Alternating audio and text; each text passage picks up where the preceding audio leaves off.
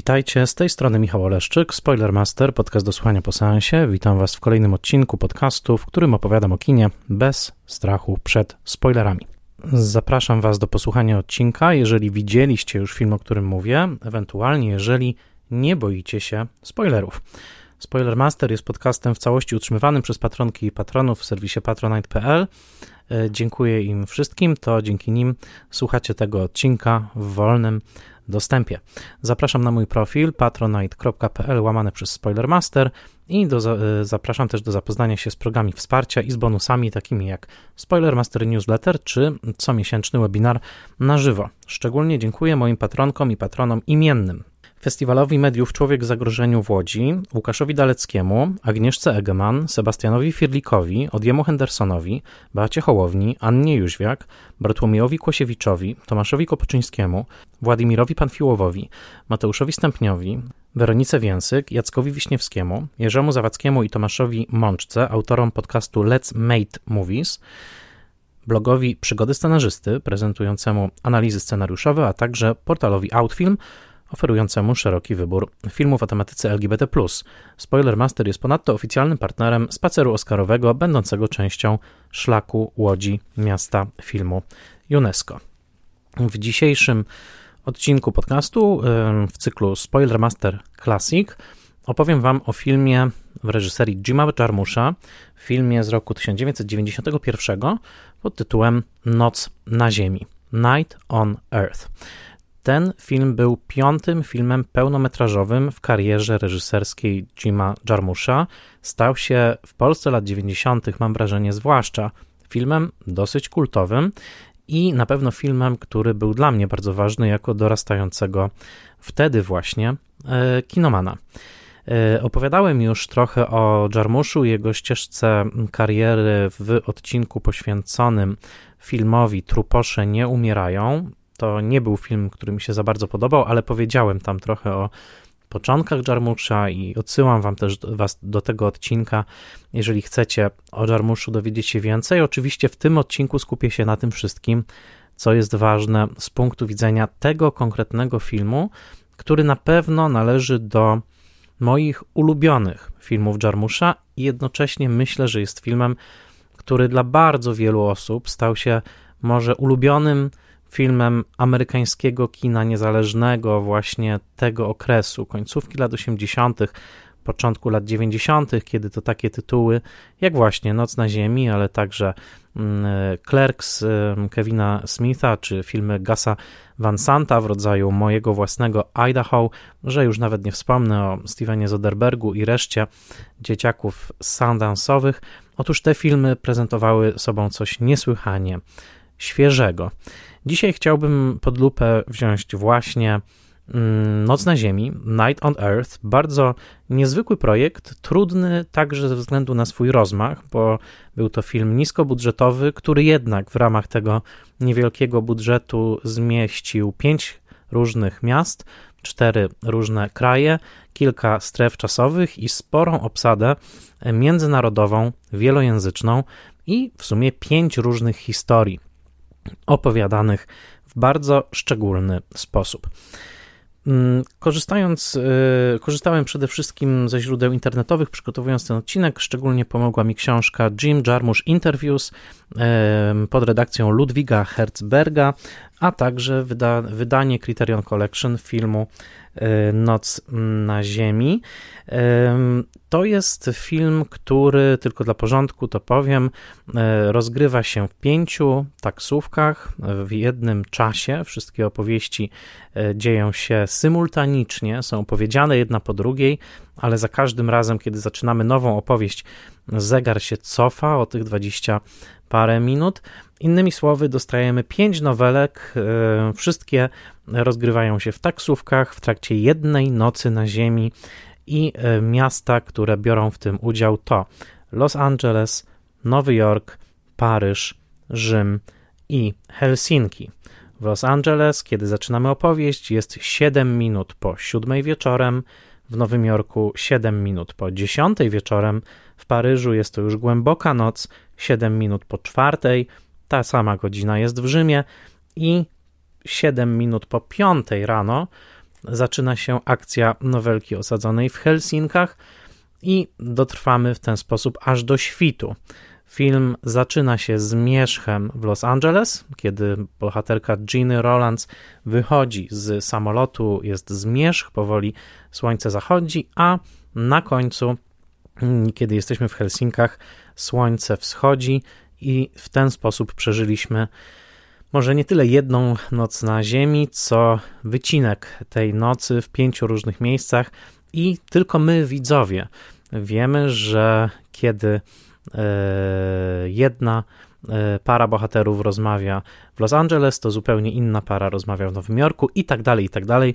Symultaniczność tych zdarzeń jest istotna i jest częścią całego konceptu, a eleganckie interwały filmu, które pokazują taki rodzaj zegara światowego, pięć cyferblatów na białym, neutralnym tle, które za każdym razem oświetlone jest troszeczkę inaczej, od różu przez zieleń, poprzez błękit do ochry i do fioletu w przypadku Helsinek. Otóż te interwały za każdym razem sygnalizują nam, że przechodzimy w inny punkt globu, nie opuszczając jednak jednego i tego samego przedziału czasowego. Myślę, że każdy, kto widział ten film, a zawsze zakładam, że już widzieliście ten film, Spoilermaster jest podcastem do słuchania po seansie, e, pewnie mm, macie swoją ulubioną nowelkę z tego filmu. E, można by na pewno zorganizować rodzaj e, plebiscytu, żeby sprawdzić, która z nowelek jest najbardziej przez widzów ukochana. W moim doświadczeniu, ilekroć rozmawiam z mm, fanami tego filmu, wskazują albo no, na nowelkę rzymską z Roberto Beninim, e, najbardziej rubaszną, albo na nowelkę nowojorską z niezapomnianą i niemożliwą do zignorowania rolą Rosie Perez. E, Jim Jarmusch, o czym mówiłem w odcinku, dawnym odcinku o truposzach, które nie umierają, e, urodził się w roku 1953 w Ohio, a zatem wcale nie w awangardowym Nowym Jorku. Studiował w Nowym Jorku e, literaturę, bardzo się wtedy interesował poezją, zwłaszcza nową poezją amerykańską, takimi mm, autorami jak chociażby John Ashbery, Frank O'Hara czy Rod Paget. E, I nawet był mm, wtedy E, edytorem, redaktorem pisemka e, wydawanego w, przez studentów Kolumbii. To się nazywało Columbia Review. Te jego poetyckie zainteresowania, które są obecne w całej jego twórczości, bo jest on bardzo wyczulony i na muzykę, jest wielkim koneserem muzyki, dlatego zaprosił do Nocy na Ziemi Toma Waitsa ale także jest właśnie koneserem poezji i to widać we wszystkich jego filmach. Mm, rola poezji będzie wielka w Truposzu, gdzie poezja Williama Blake'a okaże się ważna, no ale my już wiemy po latach, że także poetą będzie główny bohater filmu Patterson i wręcz jego wiersze będziemy widzieli na ekranie. Swoją drogą tam Adam Driver gra kierowcę autobusu. Tutaj mamy w Nocy na Ziemi taksówki. Bardzo ważnym doświadczeniem dla Jima Jarmusza był pobyt w Paryżu i zanurzenie się w tamtejszą scenę artystyczną. Nieprzypadkowo odnajdujemy Paryż także w Nocy na Ziemi i nieprzypadkowo w ogóle odnajdujemy miasta, które dla Jarmusza były ważne z różnych powodów. Paryż ze względu na to studenckie zanurzenie się w tamtejszą kulturę, Rzym ze względu na swoją przyjaźń z Roberto Beninim, Helsinki ze względu na swą ogromną przyjaźń, ale także podziw dla twórczości Aki Kaurismakiego. Bohaterowie nieprzypadkowo nazywają się Mika i Aki, bo tak nazywają się bracia Kaurismaki. No i oczywiście Nowy Jork, z którym Jarmusz na dobre już się zrósł, plus LA, Los Angeles jako kolebka przemysłu filmowego, a jednocześnie jeden z najpiękniejszych śmietników świata, co pięknie pokazuje kamera Frederika Elmsa, ilekroć wychyla się z taksówki i zagląda na mijane przez taksówkę ulice. Mm, projekt był e, trudny. Opowiedzieć tych pięć historyjek e, nie było łatwo, mm, uwzględniając niewielki budżet. Wiele osób pracowało za pół darmo przy tym mm, projekcie i żeby zrozumieć, jak bardzo był to projekt niskobudżetowy, mimo że wygląda bardzo pięknie, no i ma jednak pewien globalny zasięg, można zajrzeć do książki Rosie Perez. Rosie Perez w 2014 roku wydała swoją autobiografię pod bardzo epickim i dowcipnym zarazem tytułem Handbook for an Unpredictable Life How I Survived Sister Renata and My Crazy Mother and Still Came Out Smiling with Great Hair. Przetłumaczę ten tytuł. Mm, podręcznik nieprzewidywalnego życia, jak przetrwałam siostrę Renatę i moją szaloną matkę. I, i tak, koniec końców, przetrwałam to wszystko z uśmiechem z fantastyczną fryzurą. E, taki jest pełen tytuł książki Rosie Perez. E, Rosie Perez zagrała rolę Angeli, e, piskliwej i bardzo pełnej temperamentu kobiety w noweli nowojorskiej. I ona właśnie tam pisze o tym, jak tania była to produkcja. Przetłumaczyłem dla Was fragment tej wydanej w 2014 roku książki. Noc na Ziemi to była szalona frajda. Chciałam pracować z Jimem Jarmuszem od początku mojej aktorskiej kariery. E, powiedzieć, że film był niskobudżetowy, to nic nie powiedzieć, ale miałam to gdzieś. E, aktorzy gnietli się w jednym pokoju, w jednej przyczepie do makijażu i garderoby. Przegięcie nastąpiło dopiero, kiedy skierowano mnie do mojej garderoby, zaaranżowanej w piwnicy jakiejś zaplutej kamienicy na Brooklynie. Spojrzałam nad głowę i zobaczyłam martwego szczura na, róż, na rurze kanalizacyjnej. Kiedy zacząłem uciekać, żywy szczur wskoczył mi na nogę. Mimo to całe doświadczenie było wspaniałe. Tak wspomina Rosie Perez tę atmosferę pewnej no takiej partyzantki filmowej, y, ale robi to z humorem, więc domyślamy się, że na planie Nocy na Ziemi musiała być świetna atmosfera. Przypomnę pokrótce treść nowelek. Y, nowelka y, w Los Angeles, w tej nowelce mamy taksówkarkę Corki, graną przez Winona Ryder i Wiktorię, szefową castingu, graną przez Gina Rowlands, kobietę z bardzo różnych światów, z różnych kast społecznych, w pewnym momencie Wiktoria dostrzega w Korki potencjalną gwiazdę. Korki studzi jej zapał, mówiąc, że jest taksówkarką i że bardzo jest z tym dobrze, wcale nie chce być gwiazdą filmową. W Nowym Jorku Giancarlo Esposito jako Jojo, czarnoskóry mężczyzna z Brooklynu, szuka taksówki w mroźną manhattańską noc, nikt, nikt się nie chce zatrzymać, w końcu zatrzymuje się e, Helmut. Helmut, czyli imigrant z Europy Wschodniej, konkretniej z NRD, który postanawia zawieźć go na Brooklyn, ale nie potrafi za bardzo jeździć, nie potrafi obsługiwać samochodu z automatyczną skrzynią biegów i także po drodze spotykają Angelę, szwagierkę um, Jojo, którą siłą Jojo pakuje do samochodu po to, żeby odwieźć ją do jej męża. Następuje epicka kłótnia tych dwojga. W Paryżu Isaac de Bancole gra mm, nienazwanego y, taksówkarza bez imienia, który zabiera pasażerkę niewidomą. Beatrice Dahl w tej roli, znana z filmu y, Betty Blue, y, która udziela mu lekcji pokory. On jest przekonany, że ma nad nią wielką przewagę, że jest uprzywilejowany swoim wzrokiem. Ona przekonuje go, że ma tak potężną intuicję, że jego wzroczność nawet nie jest w stanie jej prześcignąć. W Rzymie pojawia się Roberto Benini jako jurny taksówkarz Gino, który dosłownie zabija księdza zabranego jako pasażera z powiedzią o swoich licznych, licznych grzechach seksualnych, yy, które także dotyczyły seksu z dyniami i zwierzętami. W Helsinkach y, jest taksówkarz Mika, który zabiera trzech mocno podchmielonych panów, e, którzy opowiadają mu o bardzo złym dniu, jakiego doświadczył jeden z nich, ten najbardziej nieprzytomny. E, twierdzą, że, to, że nie da się tej opowieści przebić. Mika przebija tę opowieść, opowiadając rzeczywiście przejmującą, bardzo smutną i kończącą film na naprawdę gorzkiej, melancholijnej nucie opowieść o śmierci swojego no, nowonarodzonego dziecka. E, pięć opowieści, pięć bardzo różnych miast, pięć bardzo różnych nastrojów. E, jest małym cudem to, że film jest jednak bardzo spójny. Na pewno Dwie rzeczy bardzo ten film uspójniają. Poza samym konceptem, to znaczy właśnie tym, że widzimy zegar, który za każdym razem się cofa i czujemy, że wszystko dzieje się w tym samym czasie. Na pewno dwie siły uspójniające ten film to po pierwsze muzyka Toma Waitsa, którego Jim Jarmusch zaprosił i który tu stworzył znakomitą ścieżkę dźwiękową, włącznie ze specjalnie napisanymi przez siebie e, balladami.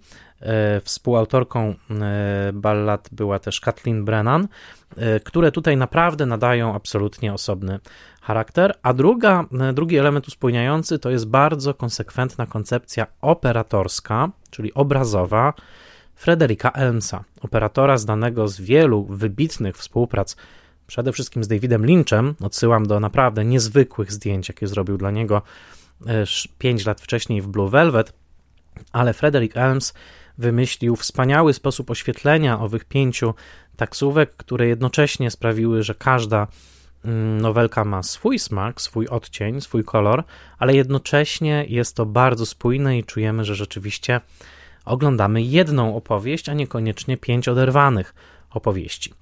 Jest to o tyle ważne, że Jarmusz upodobał sobie później e, taki właśnie epizodyczny format i w 2003 roku zebrał wszystkie nakręcone przez siebie krótkometrażówki z cyklu Kawa i Papierosy, które także były uspójnione, w tym przypadku przede wszystkim czernią i bielą, tytułowymi używkami, ale także pewnymi powtarzającymi się motywami, ujęciami, między innymi motywem wizualnym szachownicy.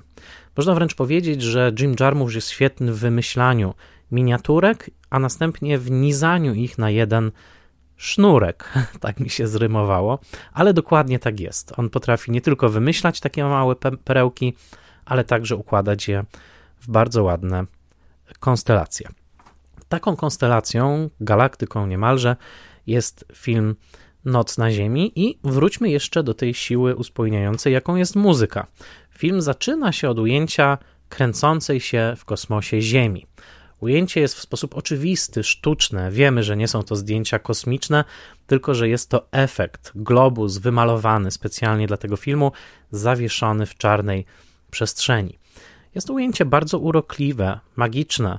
Takim ujęciem rozpoczynała się sprawa życia i śmierci Michaela Powella i Emeryka Pressburgera, o której opowiadałem Wam entuzjastycznie w tym podcaście. A zatem klasyk kina magicznego. Bawimy się w kino, malujemy kulę, udajemy, że to e, glob ziemski i zobaczmy, co tam się dzieje na tej naszej e, pomalowanej kuli. Tak zaczyna się ten film, a jednocześnie kamera troszkę pijana zbliża się w stronę tego globu. Nie jest to równomierna, zrównoważona jazda kamery, jest to raczej takie pijane człapanie, które odpowiada nie tylko podchmielonemu stanowi e, ostatnich bohaterów filmu, ale także na pewno odpowiada głosowi i całej personie Toma Waitsa, który śpiewa piosenkę Back in the Good Old World.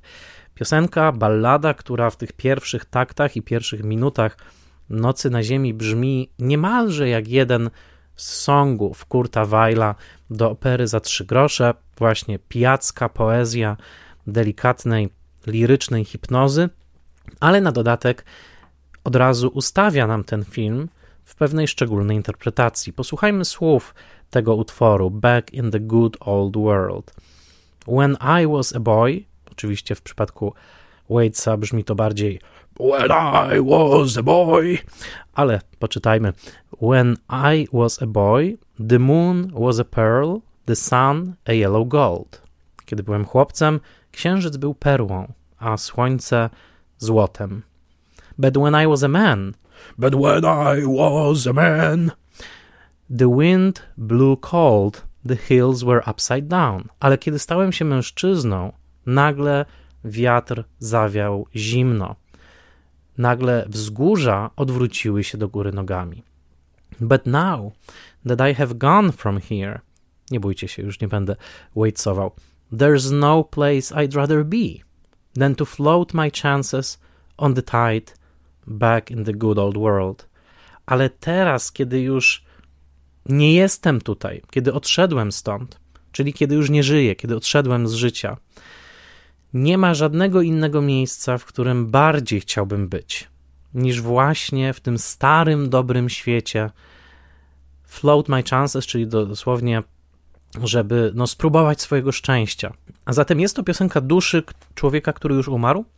E, być może ta dusza właśnie wciąż pijanie krąży w tym kosmosie, patrzy na ową ziemię kręcącą się i mówi: No tak, kiedy byłem młody, wszystko było pięknie, kiedy stałem się starszy, było bardzo ciężko, ale teraz, kiedy już nie żyję, to niczego bym tak bardzo nie chciał, jak właśnie wrócić do tego starego, dobrego świata, wrócić na tą starą, dobrą, kręcącą się planetę, którą ty, widzu, widzisz właśnie przed swoimi oczami.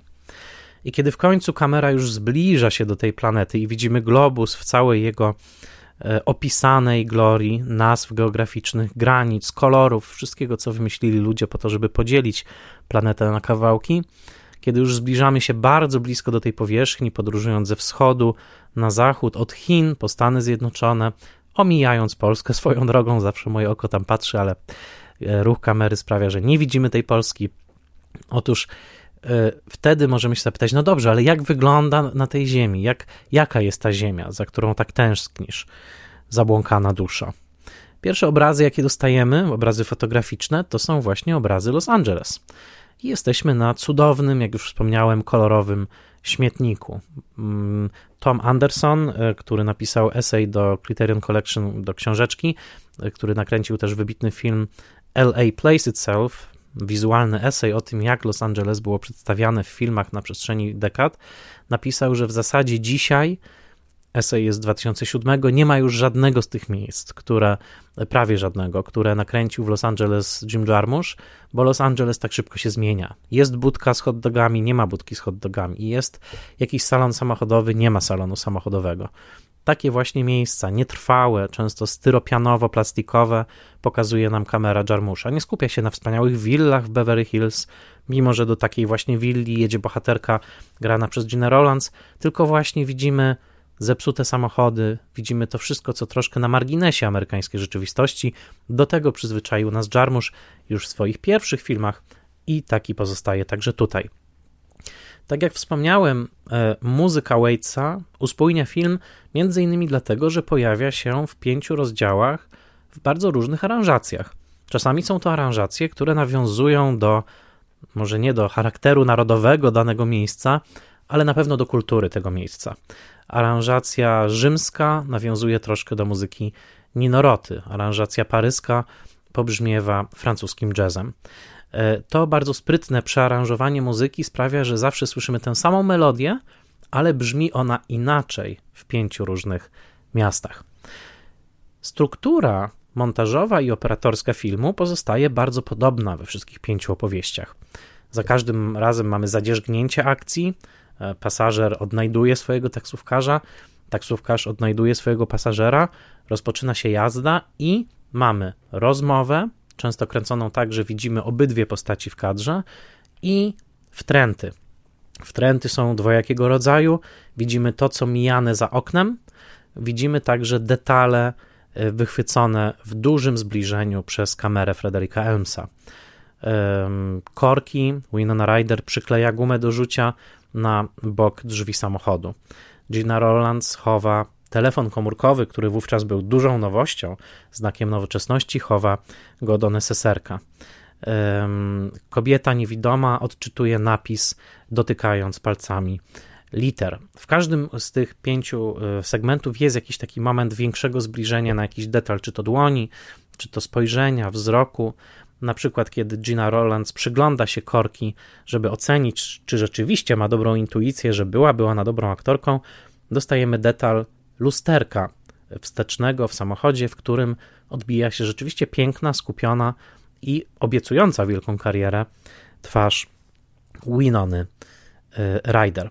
E, w komentarzu na płycie Blu-ray Frederick Elms opowiada o ogromnych trudnościach, jakich nastręczyła ta produkcja, bo rzeczywiście przy produkcji tak niskobudżetowej i to jeszcze kręconej po parę dni w kolejnych miastach, przy czym kolejność kręcenia była dokładnie odwrotna. Zaczęli w Helsinkach, skończyli w Los Angeles.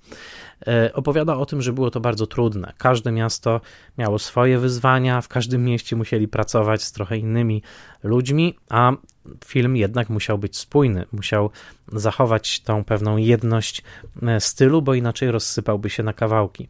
W oryginale film na początku miał się nazywać LA, New York, Paris, Rome, Helsinki, pisane bez żadnych przerw, czyli jedno ogromne, długie słowo, sugerujące, że być może cały świat jest jakiegoś rodzaju jednością i różnica między miastami jest pozorna, skoro ludzie przeżywają swoje dramaty w tych miastach bardzo podobnie.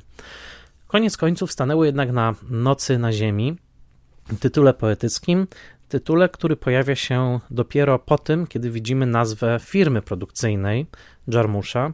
Ta firma produkcyjna na początku jest wyświetlona jako Locus Solus. I tutaj jest ważny trop, na który wskazuje też Paul Oster w swoim eseju o tym filmie.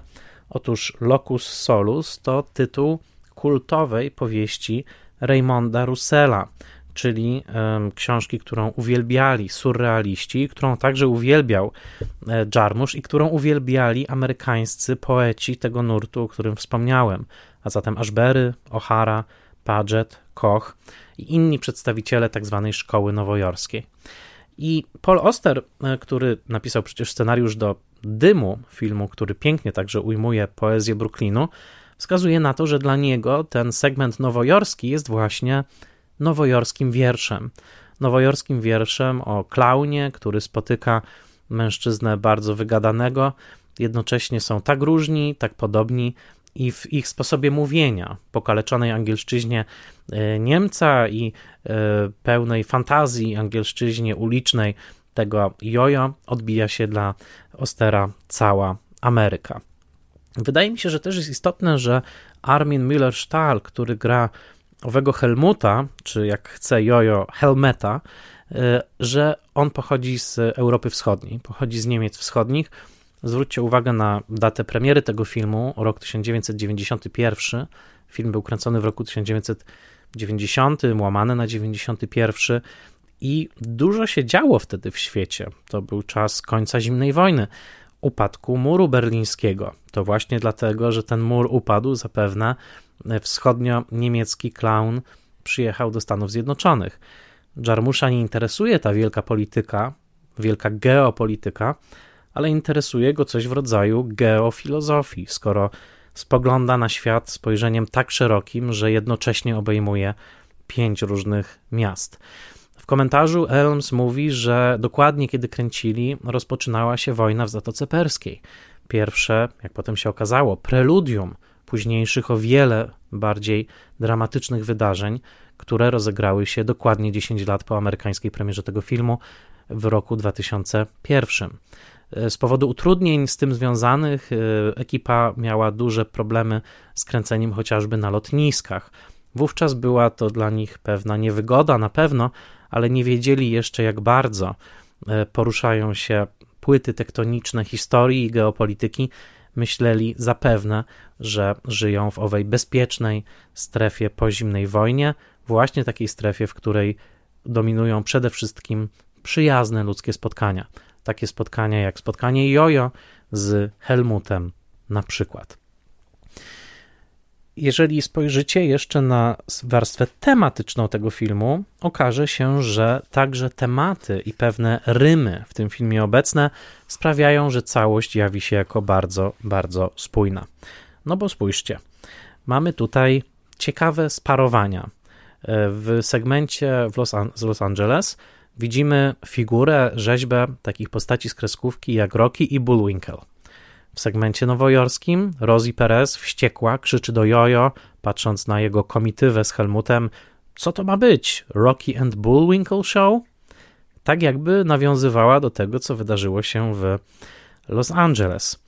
Ale także pary następujące. Niewidoma kobieta w e, epizodzie francuskim i cierpiąca na kurzą ślepotę, mówiąca o tym bohaterka Ginny Rowlands w epizodzie z LA ciemne okulary nosi w tym filmie Roberto Benini, kręci e, kierownicą, mimo że e, w nocy, mimo właśnie, że jest noc, to on nosi ciemne okulary, ale na początku ciemne okulary nosi także Winona Ryder, korki, tyle że psują i się rozpadają na dwoje. E, taksówkarz z epizodu francuskiego pyta ociemniałą, niewidomą kobietę, dlaczego nie nosi ciemnych okularów ona mm, mówi, że nie wiedziała, że niewidome osoby powinny nosić, ponieważ nigdy nie widziała niewidomej osoby. Swoją drogą Beatrice Dahl jest bardzo przekonująca w tej roli jako niewidoma. Zawsze myślałem, że nosiła białe szkła kontaktowe, żeby zasymulować to bielmo na obydwu oczach. Okazuje się, że przez całe kręcenie, oczywiście kiedy kamera była włączona, ona mm, podnosiła źrenicę do góry, wywracała oczami, co było dla niej bardzo bolesne. Domyślam się, spróbujcie to zrobić nawet przez kilka sekund, ale to tak ona zagrała ową ową ślepotę. Ale właśnie, ciemne okulary się powtarzają. Powtarza się temat poszukiwania szczęścia, poszukiwania prawdziwej miłości. Korki mówi bohaterce Ginny Rowlands, że chciałaby znaleźć mężczyznę, który pokocha moją duszę. Od miłości, która przekracza konwencję i miłości, która przekracza słowa, a nawet wygląd kochanka, mówi niewidoma kobieta. W e, epizodzie paryskim można by powiedzieć, że ona rzeczywiście e, opowiada o takiej miłości, w której kochankowie wzajemnie umiłowali swoje dusze. Są takie właśnie rymy. Mamy aktorkę, mamy klauna, mamy mm, kino, bohaterkę Ginny Rowlands, e, mamy sugestię pewnej cyrkowości w epizodzie, e, w epizodzie e, rzymskim.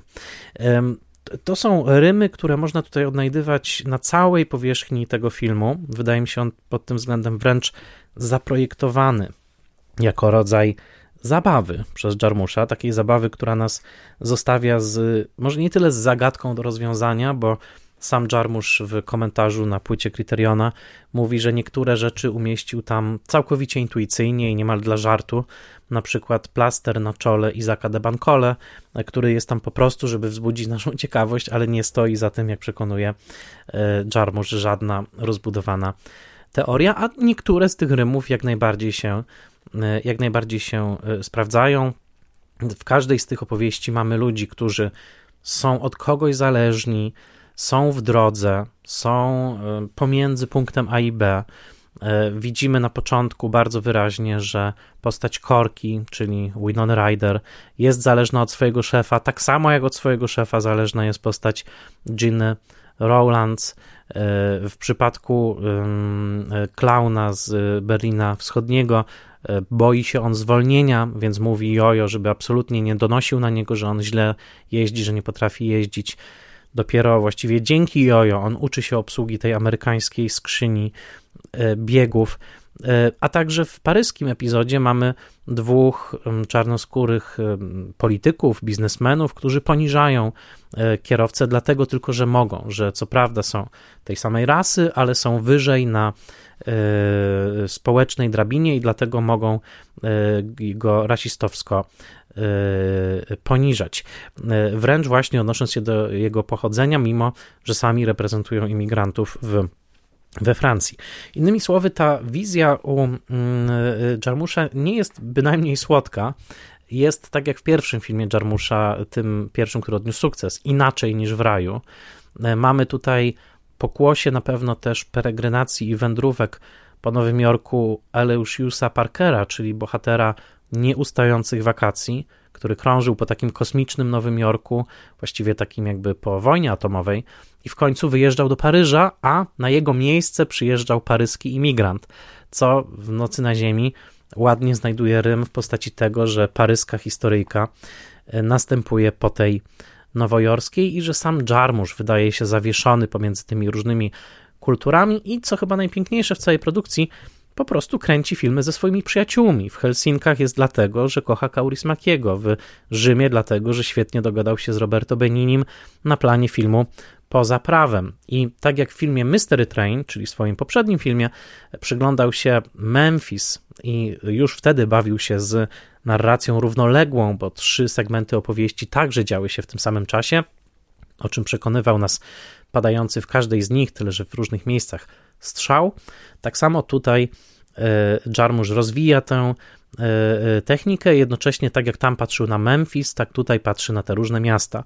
Interesują go nie te najsłynniejsze pomniki, nie te najbardziej turystyczne miejsca, tylko te miejsca troszkę na marginesie, zapomniane, w których jednak Jarmusz, wieczny poeta, dostrzega ogromne piękno.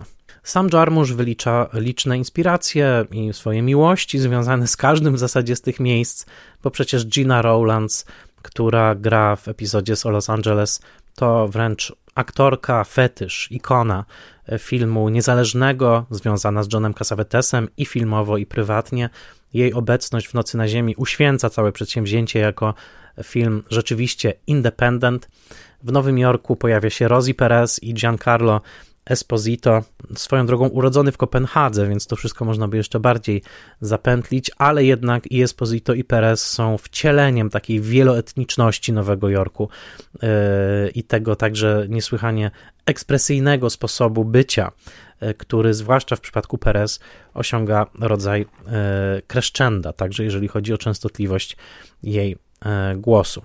E, sam Jarmusz mówił, że napisał scenariusz 8 dni, że był troszeczkę zainspirowany swoimi jazdami taksówkowymi, e, miał podobną przygodę jak ta nowojorska, ale także marzył o nakręceniu filmu wielojęzycznego. On bardzo wyczulony na słowo, ale też bardzo wyczulony na brzmienie słowa. Oczywiście nie mówił wystarczająco dobrze po francusku, zdecydowanie nie mówił po włosku, nie mówił też po fińsku, ale lokalni filmowcy pomogli mu. I on się bardzo cieszył, zawsze mówił, że jednym z jego mistrzów był Max Ophuls, który kręcił w bardzo wielu językach, i po angielsku, po francusku, po włosku, po niemiecku. I tutaj y, taką właśnie wielojęzyczność, globalność Jarmusz także osiągnął. Czy patrzymy na nowoczesne koloseum w Los Angeles, czy patrzymy na to prawdziwe w Rzymie, y, Jarmusz wydaje się patrzeć na nie takim samym zachwyconym okiem. Nie ma co udawać. Ten film jest zrodzony z tego momentu tuż po zimnowojennego, kiedy melancholik, ale także humorysta Jarmusz patrzy na nasz świat, obejmuje go wzrokiem i chciałby nam powiedzieć niemalże kosmopolitycznie: Wszyscy jesteśmy tacy sami, są różne scenariusze i scenografie naszego cierpienia, ale wszyscy gdzieś zmagamy się z tym samym głodem, tęsknotą, nostalgią, miłością.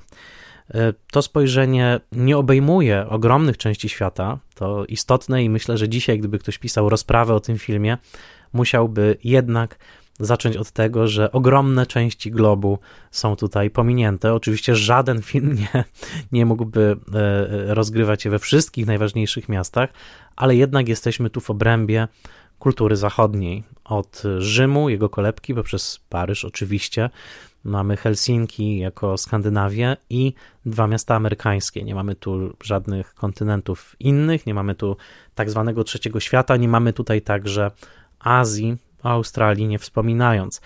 E, nie jest to zarzut w tym momencie, tak jak mówię, postulat pełnej globalności byłby zapewne szalony, ale jednak w tym spojrzeniu Jarmusza, tak jak w tym spojrzeniu kamery, która na początku oddala się od Chin po to, żeby zakończyć swoją podróż w Stanach, Myślę, że jest też wyraźne wskazanie na to, jakim artystą jest Jarmusz. Myślę, że jest on bardzo wrośnięty w kulturę zachodnią, zwłaszcza w modernizm powojenny, w, w pokolenie bitników, ale także w późniejsze wszystkie nowe fale. Nie jest to twórca, którego byśmy kojarzyli z mm, rozwinięciem tego swojego spojrzenia y, bardziej chociażby na wschód. Chociaż w, w swoim QA na dysku Kryteriona mówi, że równie dobrze wyobraziłby sobie taką opowieść także w Tokio czy w Warszawie. Taka noc na Ziemi, jaką mamy, jest jednak zdecydowanie zachodocentryczna. Jest to opowieść właśnie o, e, o ludziach mieszkających w obrębie kultury zachodniej. I pamiętajmy o tym, myśląc o kontekstach twórczości Jarmusza, na pewno w późniejszych niektórych filmach on starał się troszeczkę poszerzyć to spojrzenie, między innymi oddając cześć Indianom, rdzennym mieszkańcom Stanów Zjednoczonych, e, którzy mm, padli ofiarą e, założycielskiego ludobójstwa na początku Stanów Zjednoczonych. To film Truposz, ale później także w takim jego najbardziej chyba otwartym, jeśli chodzi o granice geograficzne filmie, czyli w Limits of Control, pojawia się już troszkę szersze i inne spojrzenie. Byłoby ciekawie, gdyby gdyby e, Jarmusch nakręcił sequel tego filmu, wolałbym zdecydowanie to, niż żeby kręcił takie filmy jak Truposze nie umierają. Myślę, że dzisiejszy świat, zwłaszcza ten popandemiczny, być może byłyby to już Ubery, a nie taksówki, nie wiem, ale na pewno poddałby się takiemu właśnie spojrzeniu jarmuszowskiemu e, dałoby to dobre rezultaty, więc wysyłam niniejszym energię psychiczną i mam nadzieję, że Jim słyszy moje słowa. Chciałbym zobaczyć taki sequel z innym zestawem aktorów, oczywiście, może wciąż z tą samą muzyką Waitsa, ale wydaje mi się, że taką, jaką jest, Noc na Ziemi jest pięknym reliktem z jednej strony tego właśnie podejścia poetów modernistycznych, tych amerykańskich, właśnie tej szkoły nowojorskiej, także tego happy endu zimnej wojny. Myślę, że w roku 2022, 31 lat po premierze Nocy na Ziemi, troszkę inaczej patrzymy na naszą globalność, może troszkę bardziej krytycznie patrzymy na różne zależności władzy, centrum, peryferii, różnych, różnych siatek, jakie możemy nałożyć na nasz współczesny świat. Nasze oko chyba straciło tą poetycką niewinność, z jaką rozpoczyna się Noc na Ziemi, pokazując nam pięknie wymalowany glob. Chyba troszkę już inaczej myślimy o naszym świecie, może patrzymy na niego też z większym niepokojem, ale to nie zmienia faktu, że jako pewien cudowny, wciąż żywy, wciąż uśmiechnięty przez łzy relikt wczesnych lat 90., Noc na Ziemi zachowuje swoją magię, o czym przekonałem się oglądając ten film ponownie, dwukrotnie, po to, żeby opowiedzieć Wam o nim dzisiaj. E, mam nadzieję, że ta opowieść się Wam spodobała. E, jak zawsze zachęcam do szerowania materiałów Spoilermastera. Mm, linkujcie, przesyłajcie osobom, które Spoilermastera nie znają, ale które kochają kino. Tego odcinka, jak zawsze, wysłuchaliście dzięki patronkom i patronom. To tylko dzięki im wsparciu e, mogę pracować wciąż nad tym podcastem i co tydzień dostarczać nowy odcinek. A teraz, jeśli dawno nie wracaliście do Nocy na Ziemi, zachęcam. Jest dostępna na VOD Nowych Horyzontów. Posłuchajcie Toma Waitsa, odwiedźcie starych znajomych z każdej z historii i zapytajcie się sami, jak wy zmieniliście się w międzyczasie. A jeśli będzie to wasze pierwsze spotkanie z tym filmem, to zapytajcie się, czy ten świat, który widzicie na ekranie, jest dla was rozpoznawalny, czy jednak jest to już trochę wizja globu zatopionego w bursztynie. Bardzo Wam dziękuję za uwagę i kolejny Spoilermaster już za dwa tygodnie. Wyjątkowo. Do usłyszenia.